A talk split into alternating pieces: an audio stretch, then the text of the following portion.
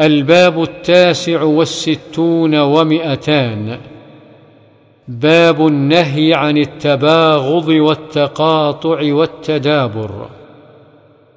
وعن أنس رضي الله عنه أن النبي صلى الله عليه وسلم قال لا تباغضوا ولا تحاسدوا ولا تدابروا ولا تقاطعوا وكونوا عباد الله إخوانا ولا يحل لمسلم أن يهجر أخاه فوق ثلاث متفق عليه.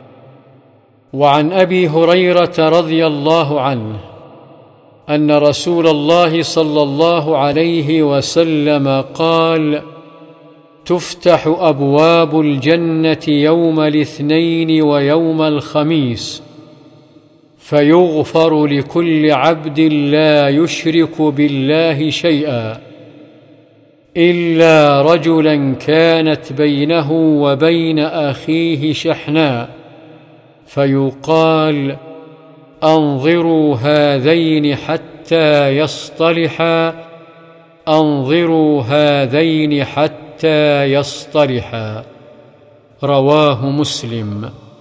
وفي رواية له تعرض الأعمال في كل يوم خميس واثنين وذكر نحوه.